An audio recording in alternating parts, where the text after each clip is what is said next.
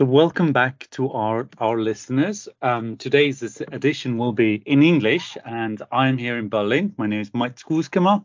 Uh, my co-host is in uh, busy doing films this week, uh, but we do have a very special guest who will be joining today. And we're finally looking, let's say, directly east of Berlin um, geographically. So there's a city that is just slightly closer to Berlin that is in to, that it is to Tallinn, but it is in a country that's in the hearts and minds of, I would say, almost all Estonians, if not all, and and many Europeans alike. So today, our today's guest is Vice Governor of the Kiev region, Vitaly Vlasyuk. Vitaly, thank you for being with us. Hello, thanks for touching a little bit uh, what I found out about you uh, online is that you've you most of your career you've been a lawyer, uh, which is uh, which is also a very important job actually. Um, you know, building a, a strong strong nation state.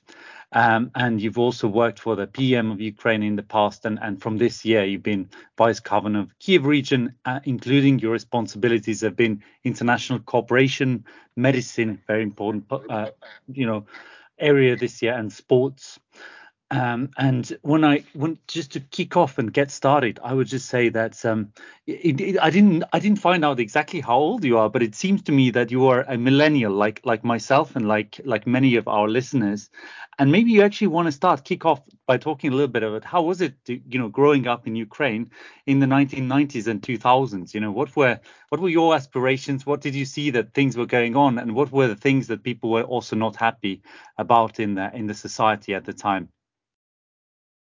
Uh, I would say uh, uh, me and my brother, I have a twin brother, we were going in not so big town of Vinnytsia, which is 250 kilometers from Kiev, uh, southwest.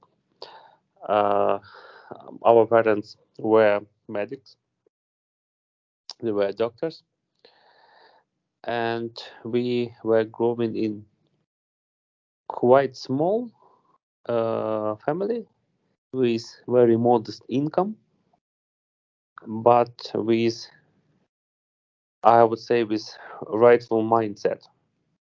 We were mm. absolutely pro-Ukrainian. Uh, our native language was it was Ukrainian. Uh, also, we were using Russian language quite regularly and that's typically that's absolutely normal for central part of Ukraine. So you speak both languages. So for somebody, it was and it is still more convenient to speak in Russian, but uh, for now it's all over. So now it's only Ukrainian. Uh, people generally use for quite obvious reason. And then we were studying math and physics in school mostly. But then uh, it happened, so we uh, entered into Taras National, uh, Taras Shevchenko National University in Kiev. Uh, my department was international law, and my brother's department was national law. So since 2006, we live in Kiev and we live in sphere of law. Uh, from Vinnytsia, uh, I think we have normal style of life. We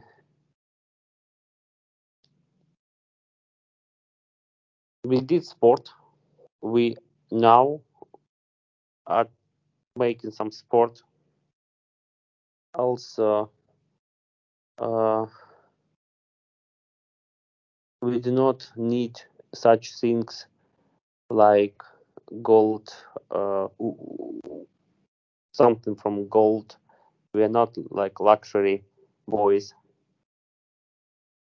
Uh, we both uh, 33 years. And we both, since Vinnytsia, we want to realize ourselves by making this country better. That's uh, I would say that's very important, and I don't know how it happened, but I think that right precisely this generation, precisely my generation, is a generation uh, which care about everybody, but not ourselves in first place. I'm not, not sure how to explain that, but yeah, that, no, that, you, that's my subjective view. Okay. Yeah, Uh, since absolutely. 2000, like 2011, uh, I'm not only a worker, but I'm also a person who provides work, uh, who hire people. And when I'm uh, when I'm communicating to those young people who are like 10 years, 15 years below my age, uh, I dare say that they are a little bit more selfish. They care, they think first place about themselves and after that about other things. But okay, okay that that uh, this idea comes from time before the war. Now the whole population of Ukraine is united. In 2014, uh, we heard a joke that Mr. Putin had united Ukrainians like no one before. In that Mm. time, it was like a joke. Now it's not. He really did that. He he really has united us. So now all generations and uh, all Ukrainians from east, from west, from south, from the north, we all are united. Uh, you saw some broadcasts from Kherson in early March yeah, when absolutely. people were just railing against Russian occup- occupants. And you saw uh, recently some footage from Kherson. You see our people living there and greeting Ukrainian army. So I, I am from Vinnytsia, as I said. Okay, it's like uh, central west part of Ukraine. I would Yeah. never, never, never um, imagine that we, or like more than two percent of population of Vinnytsia, would uh, say some would would be chanting things like uh, "Viva Putin." Never. In Yeah, I south mean, I've I've seen some polls part, that that actually 97% of people um were you know came strongly behind Zelensky after the beginning of war. So Right. that, that that's a very very high statistic, of course. And and Right. it I, I think the people's deeds they of course show that. I mean, every Ukrainian I could have you know spoken to, they are very very strongly doing things for the for the country. So yeah, this this is something that we can see from the outside that Ukraine is very strongly united. That is. But what I'm telling now is that uh, you cannot imagine uh, people greeting pro-Russian powers in Vinnytsia, in Kiev, in Cherkasy, in Lviv. But in uh, why happened uh, Donbass? It happened because a lot of local population just did some support to pro-Russian uh, powers. So your question was how about my childhood. My answer is that uh, I always been a Ukrainian. Yeah, it's it's interesting also how a lot of people in the legal profession, because legal legal people are, you know, they, they want to build an efficient rule of law, which also, you know, is is is a basis and of supports, you know, um, a strong a strong state. So in a way that they end up in politics, like even uh, in Germany, actually, that where I stay currently, um, a legal profession is is is really of key importance that they, they do take that responsibility at some point and and go into politics. So yeah, it's it's interesting to see that. But one, one thing that is special, maybe maybe about Ukraine, is that even though you've you've had a, you've had a lot of unluck, let's be honest. Like we we in Estonia, we kind of we were very lucky in the 1990s, maybe to go on a very straight direction to the west and manage to stay there. It's really luck that we've had. But Ukrainians have always tried by voting new leaders. You know, you've always in elections voted different leaders in actually um, and and maybe one thing that that I want to ask as well. I mean, you you saw the Orange Revolution, for example, coming. You know that that was also a big change. Remember it? Did did the Orange Revolution in a way succeed? You know, after that again there was you know Viktor Yanukovych voted in, or what was the what was missing? Was was there not enough support from the West, for example, or just that that it was nor- normal that not everything worked as fast as people would have expected? Uh, that's that's interesting question. I would say I would say that you cannot change everything just by one good uh, event. That's impossible. So, uh, uh, as we are saying here, we need evolution, not revolution. Uh, in some way, these uh, events, uh, Maidans in 2005, in 2013, 14, it was like um, peak. It was like um, the highest point of uh, some expectations of some processes which were boiling in Ukraine. But uh, the main thing uh, I'd like everybody to realize about Ukrainians that uh, we want to live in democracy. We want to live in prosperous country, and we want uh, to rule ourselves by ourselves. We do not expect somebody to come here and to rule us like Russians do. The, uh, the, the, the main thing they want that somebody rules about like a like a tsar, like a king. It's it's not going to happen here in Ukraine. We want to vote. We want to be elected. Uh, that's how it works here. Yeah, I mean it's it's about um, it's about the mindset that that you say absolutely that um, you know the power starts from from from people themselves if they feel it and if they understand it and and it seems that Ukraine in Ukraine people do it even though there isn't so much you know democratic uh, like there hasn't Ukrainians haven't had before 1990s much opportunity to exercise that but it's still somewhere in the culture as you say.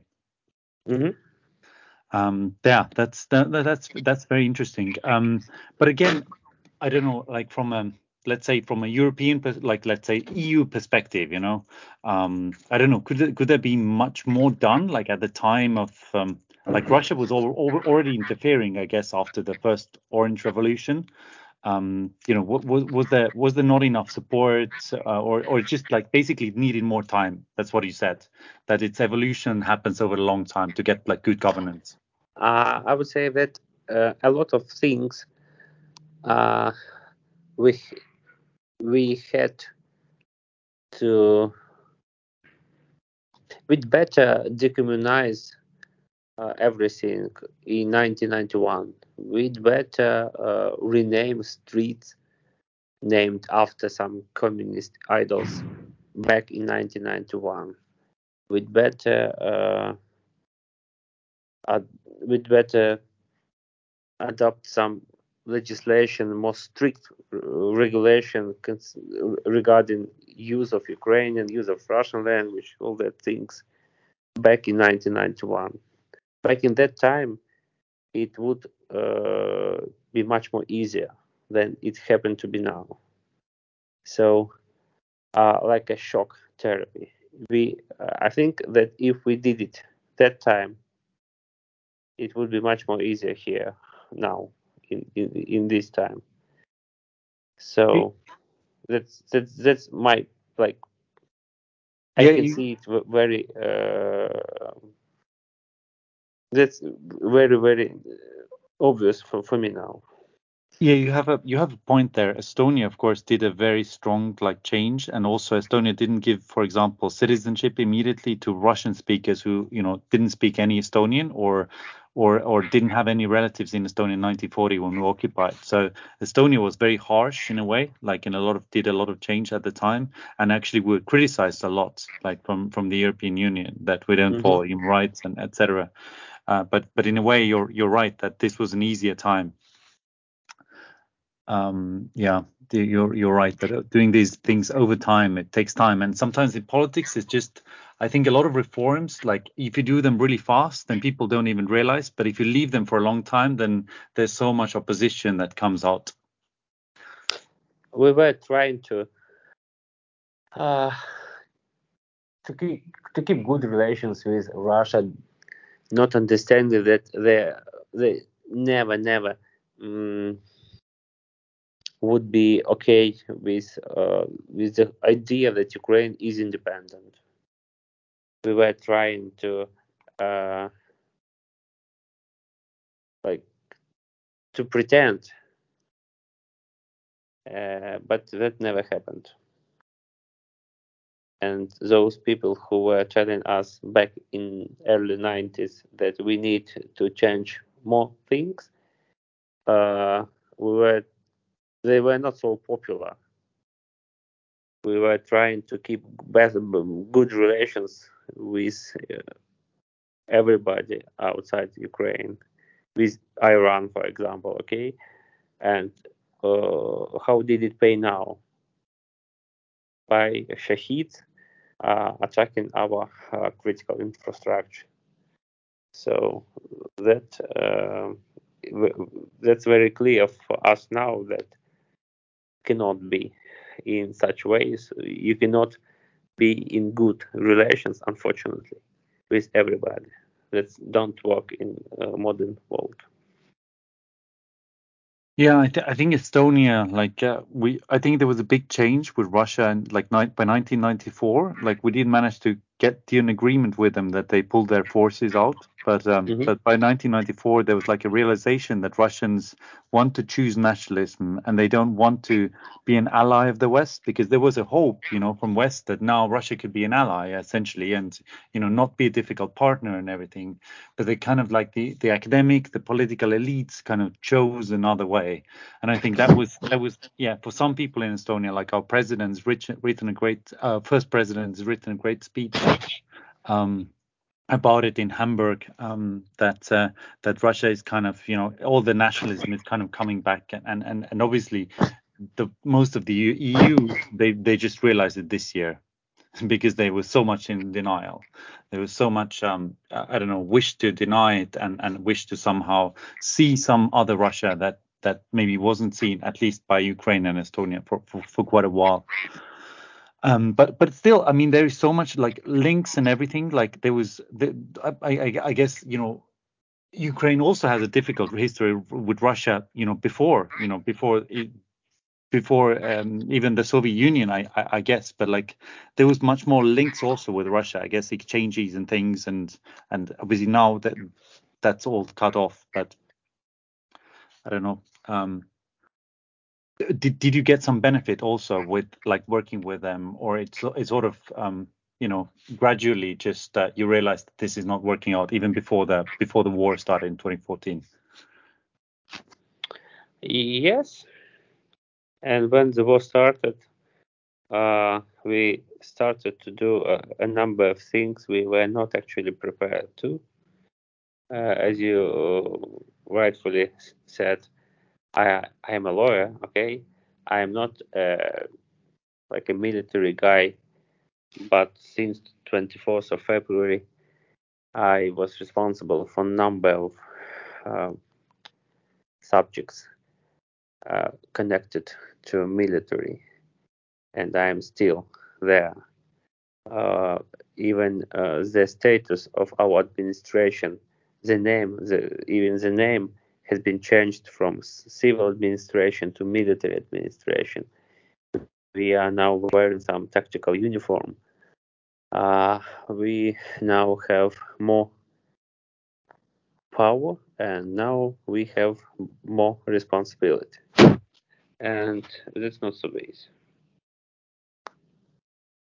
and also I, uh, I like to stress that uh, that's very typical situation for the whole Ukraine, and admin- those who were representing a part of administration, whatever level, regional administration, district administration, central organ of uh, so central administrative organ, we all now work 24 per 7 almost no vacancies almost uh, no weekends because we are responsible almost for everything and that's that's quite hard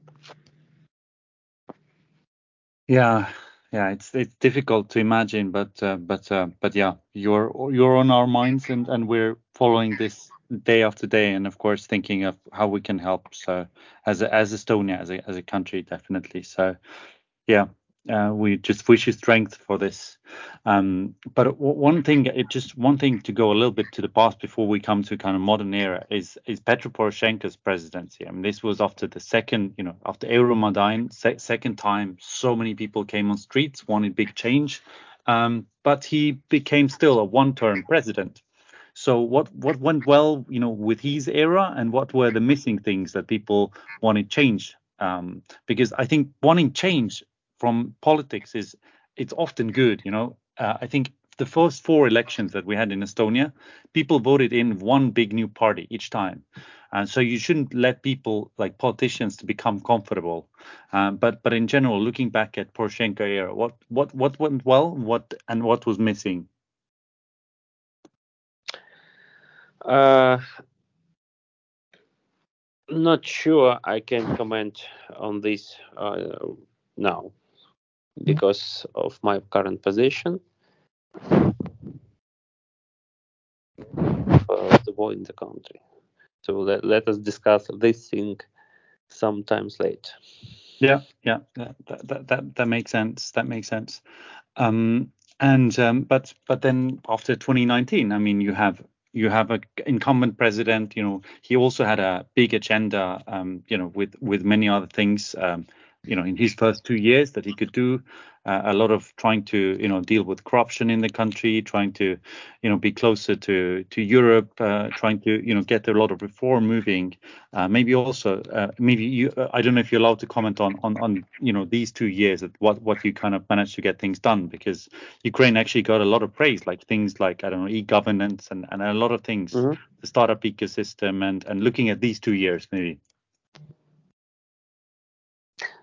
Uh, I think uh, some great projects uh, have been launched. Uh, for example, Diia service. Every Ukrainians use now some some things from uh, from Diia. For example, uh, passport, uh, electronic passport. For example, if you speeded and then you obtained some mm, punishment, you can see it easily by your phone and pay it in two clicks. So a number of things, uh, very modern things, very modern projects uh, were realized in Ukraine. Uh, some mm, guests from even from Europe, from Western countries, just they don't believe us that that's possible in in Ukraine. And uh, also, uh, I'd like to share some comment that uh, a number of international companies, international NGOs, uh, they were coming into Ukraine and they were trying to operate here.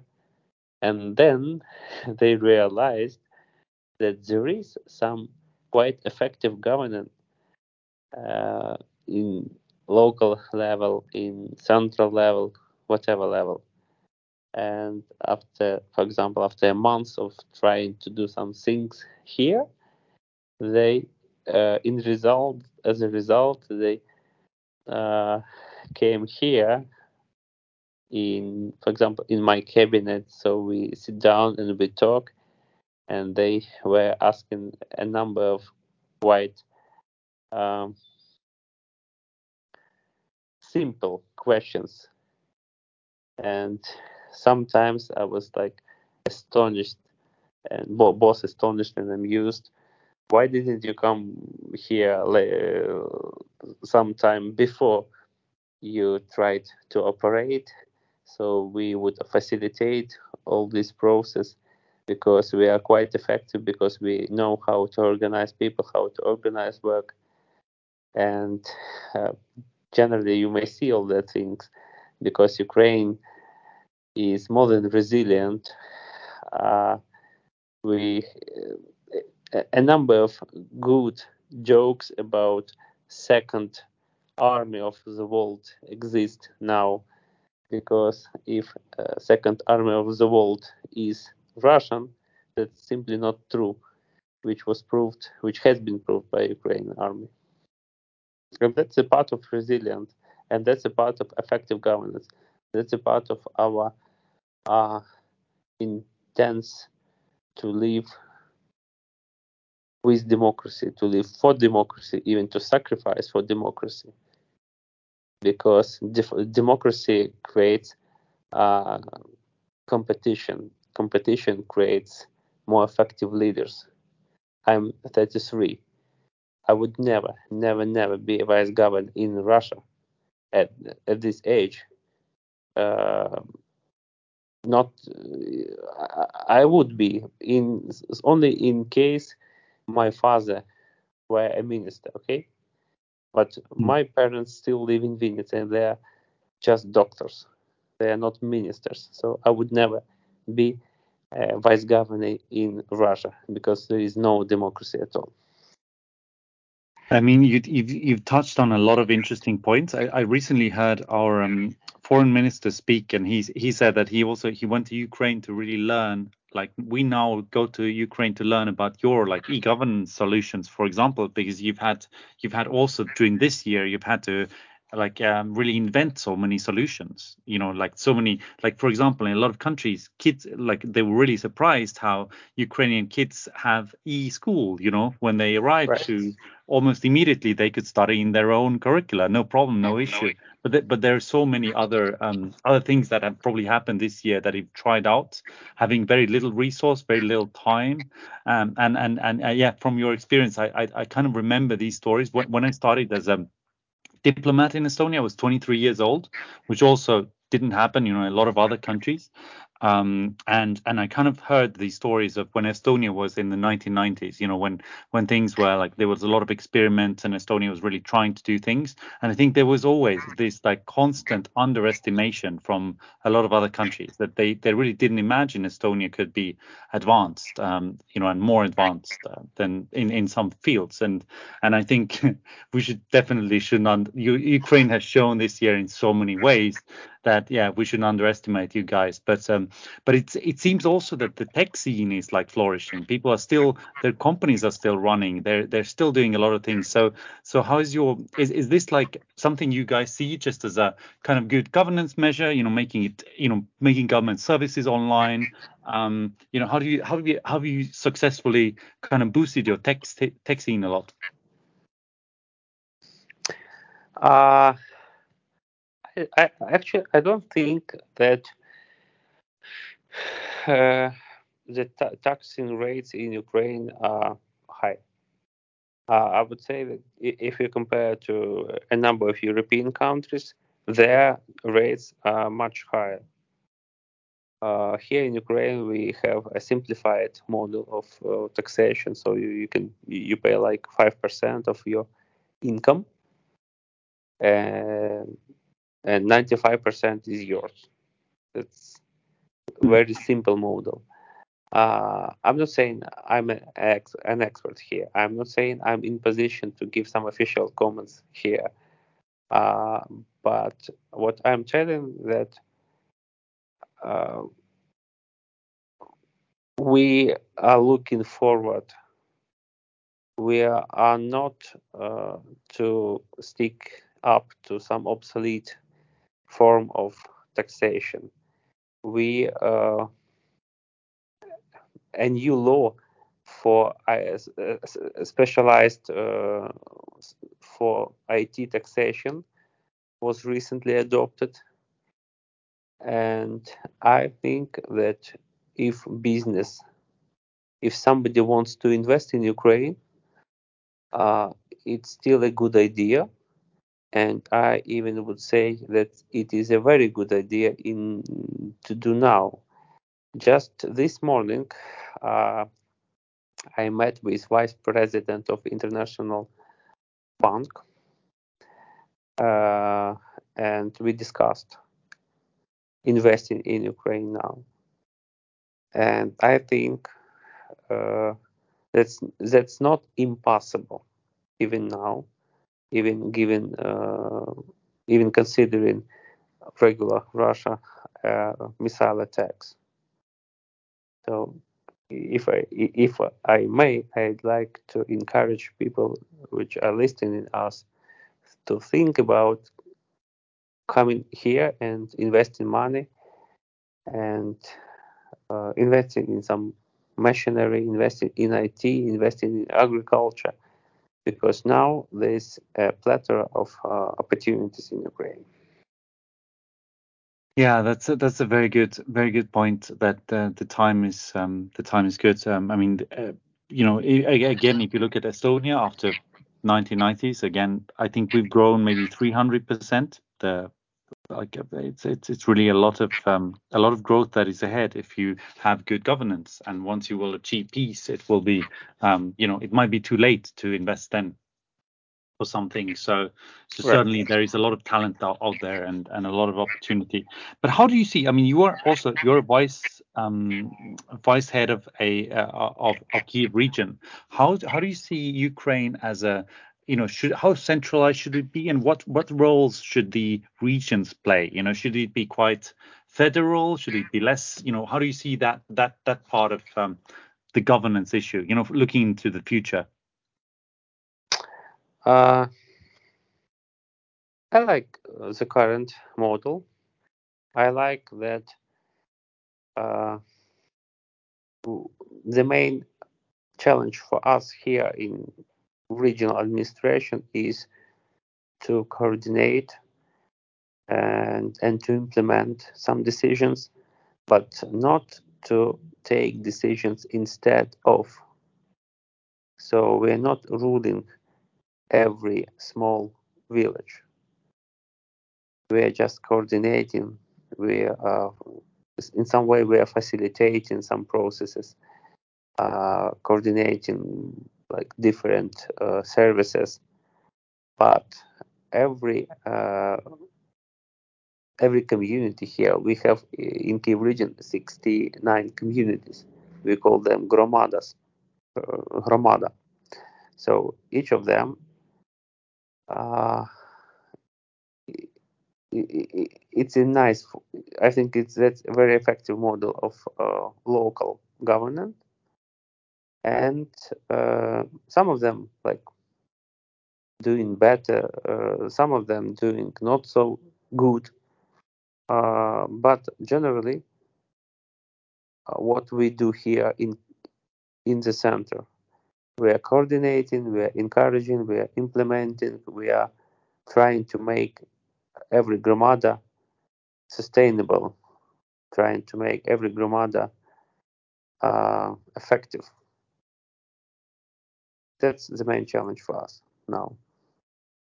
Yeah, healthy competition probably is is is, is good for um, for municipalities. Estonia did a big mistake that we didn't do a regional reform early on, and we had just two small entities. But we're also 1.3 million country, so it would be I don't know one oblast if we were in Ukraine probably. Um, but yeah, this was this was an issue that a lot of them were not um, financially you know sustainable enough, and they didn't join early enough. Early enough. Um, yeah. yeah. But uh, but I, I guess you guys don't have that issue because you're much bigger than us. Mm-hmm. Yep. We, we just had no choice but but to change ourselves, and now uh, mainly the budget. Uh, okay, every gromada, every community has its own budget, which is not controlled by us. So every gromada, every every community is more than interested to bring some investors and uh, to make that investor to create entity in local in like in there and uh, to hire people and to pay taxes to the budget to the local budget. Uh, that is why uh, you may see uh, examples you, you may see good stories it, it that's uh, i think that's uh, equally normal for every region of Ukraine. Some communities are more successful, some communities are less successful. Communities do compete because uh, investors investors can choose between different not only regions but even uh, communities and that's the thing is making our economy more effective yeah, absolutely, absolutely. And sometimes also one one solution doesn't work everywhere. Um, what I wanted to ask also is that obviously now this year you've had to do massive changes in in governance. I mean, what are the maybe some learning experiences from from from from you guys? I mean, in general, like uh, to handle the, the kind of crisis situation, or I don't know, um, for other other countries to learn from, really, like. Um, you know how how you had to reorganize your work or or, or you know at the at from from February onwards. Uh, okay, that's that's very simple. Uh, we were made to reorganize everything, almost everything.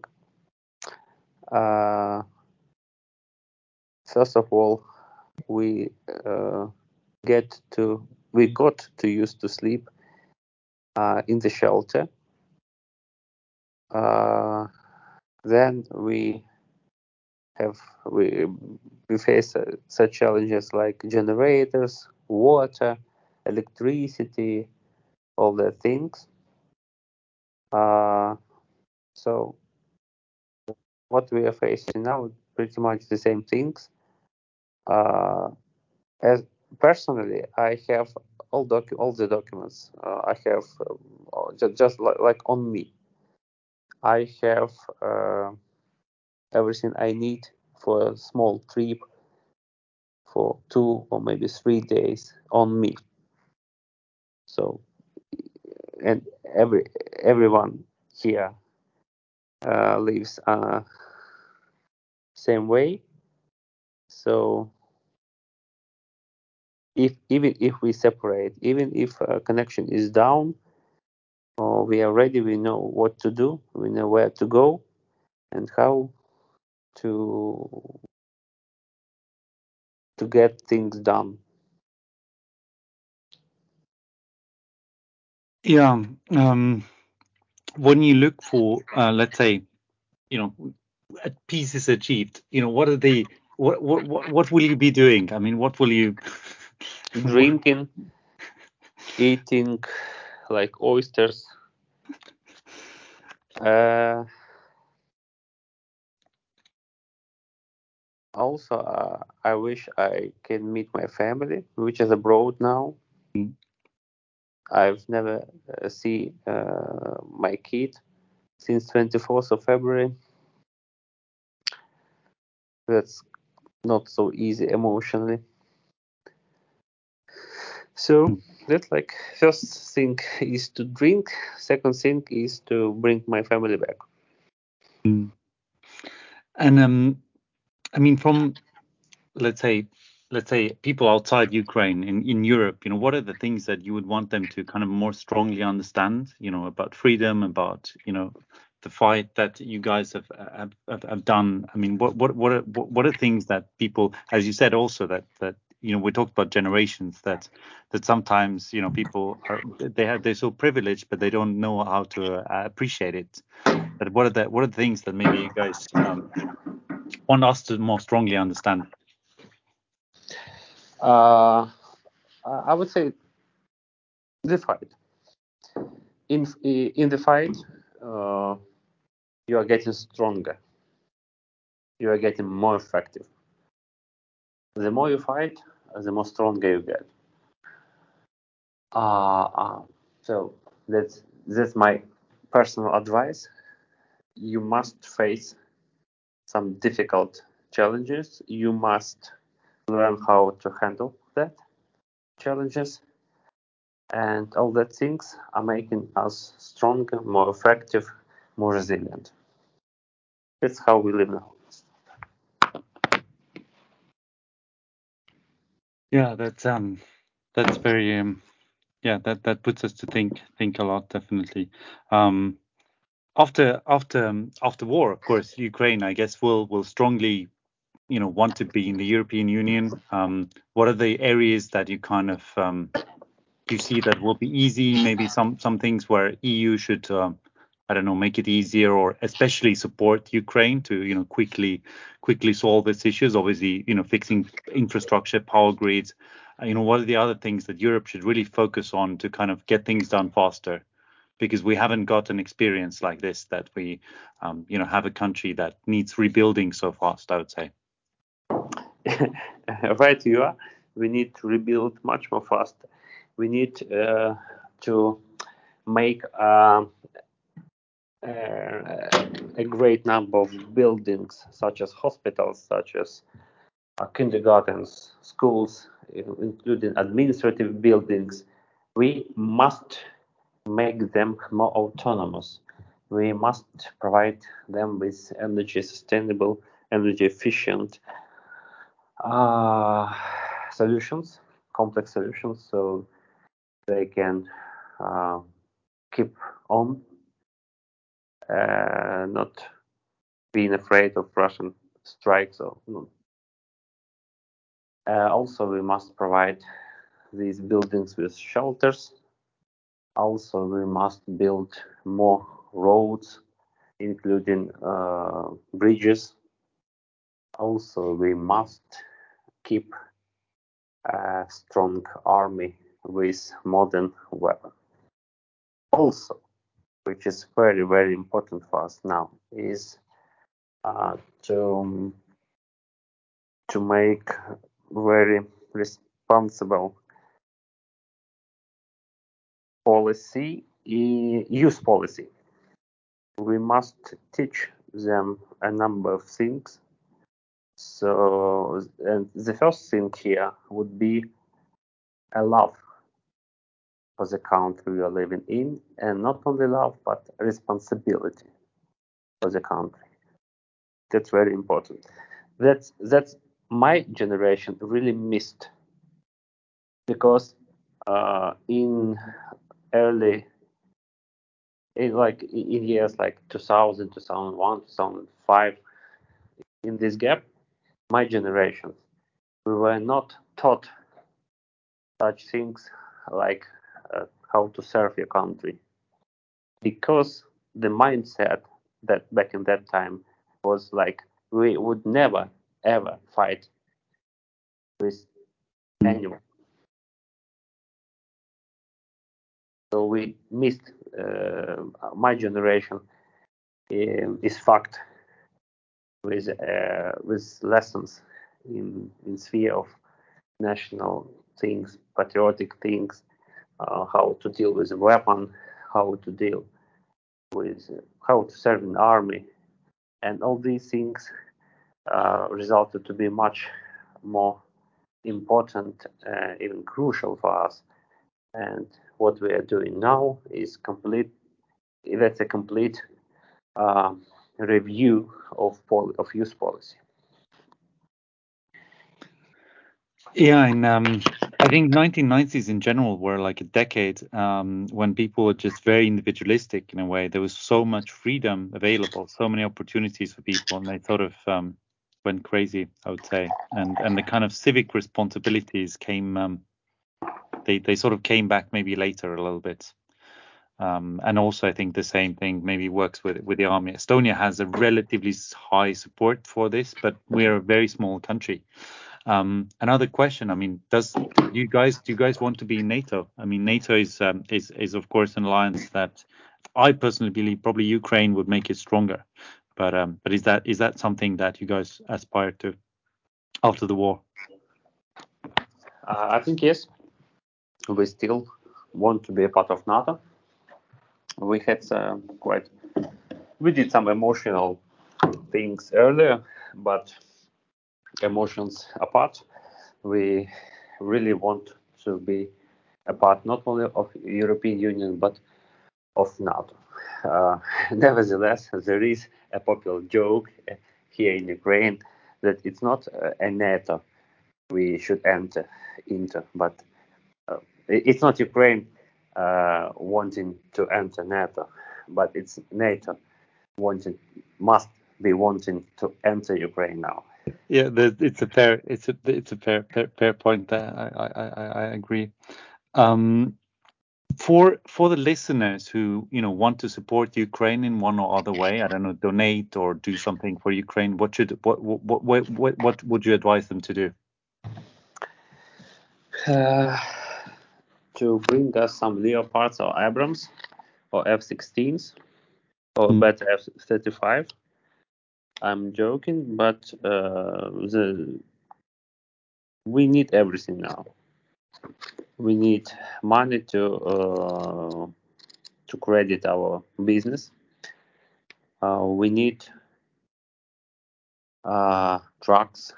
We need uh, some, for example, like solar panels to provide uh, hospitals with uh, autonomy. We need uh, tactical wear. We need generators. We need diesel and uh, gas. We, we, need everything. We need computers because Russians they, they, they were just stealing computers. So uh, uh, what I'd like to say that um, I wish uh, more things to be done uh, by direction, uh, by direct dialogue between um, small towns, villages, between big towns and villages, not uh, via such international organizations like uh, Road, Road, Red Cross. I, am not sure that's the best way. So people and people, they the dialogue between them will be more effective. As for me, as I can see it now, if we take, for example, like like a small town of Mironivka in Kiev region, which is 30,000 of people, uh, I wish there, there, there were a small town in Estonia, same size, and they just bring some medical equipment to, to Mironivka or bring some a pair of buses to Mironivka or uh, welcome a group of Mironivka's pupils for some vacations during Christmas Eve. That's my dream. Mm, politicians listening in Estonia, please take note of this. Um, what I want to add to this, of course, there is a direct line that people can uh, can send money to Ukraine Army still, right? But are there some other funds that kind of come to your mind where people can directly do it that that are not Red Cross, but that are quite easy to find? Uh, I know there there is also initiative in Estonia to actually buy little small trucks for the army and drones. So these are easy to find as well. Ragnar Sass is a, is a key key person there. So Nafo. Considering this opportunity, I'd like to thank uh, to Estonian government. They presented uh, us a number of buses. I'd like to thank uh, Mr. Ragnar Sass, which is Estonian, and he keep uh, smuggling here some pickups for Ukrainian army. I'd like to thank to the uh, mayor of Tallinn. We are now in very constructive dialogue, and I wish uh, by the end, I think by the end of this year, we will send a group of um, regional hospital doctors to Tallinn to share experience and to share some points of how to administrate a big hospital uh, by your uh, compar- comparatively um, more modern standards. That's quite uh, that's very useful assistance. So, uh, anyone wants to help us, you may just contact the government, and they uh, via the Ministry of Foreign Affairs they will contact with us here, the Estonian embassy. That's quite a good and relatively direct way to support us. Vitaly Vlasyuk, our time is slowly running up, so that I'd just like to thank you with you know all our hearts um, for doing what you're doing. Um, I wish you strength and and that everything will go well. Just the last thing I would ask is that if you if there's any favorite song that uh, you'd like us to play after the the podcast, because that's what we do always. And if you have anything else to say to Estonia or any advice, then then yeah. can it be Ukrainian song? Anything, yes. Please, but just if uh, it's Ukrainian uh, Червона Kalina. Do you know this song? If you just uh, then I'll probably need the text, but we'll find it. We'll look it up. You can ask uh, my friend Tanya. Yeah. She she will explain to you what is Червона Kalina. Червона Kalina похилилася. That's, uh, that's that's that's a symbol of uh, this war. So please take it. We will. We will. Take it. Thank you, Vitali. Have a wonderful uh, evening and take care. Back to work. Thank you. Bye. Bye.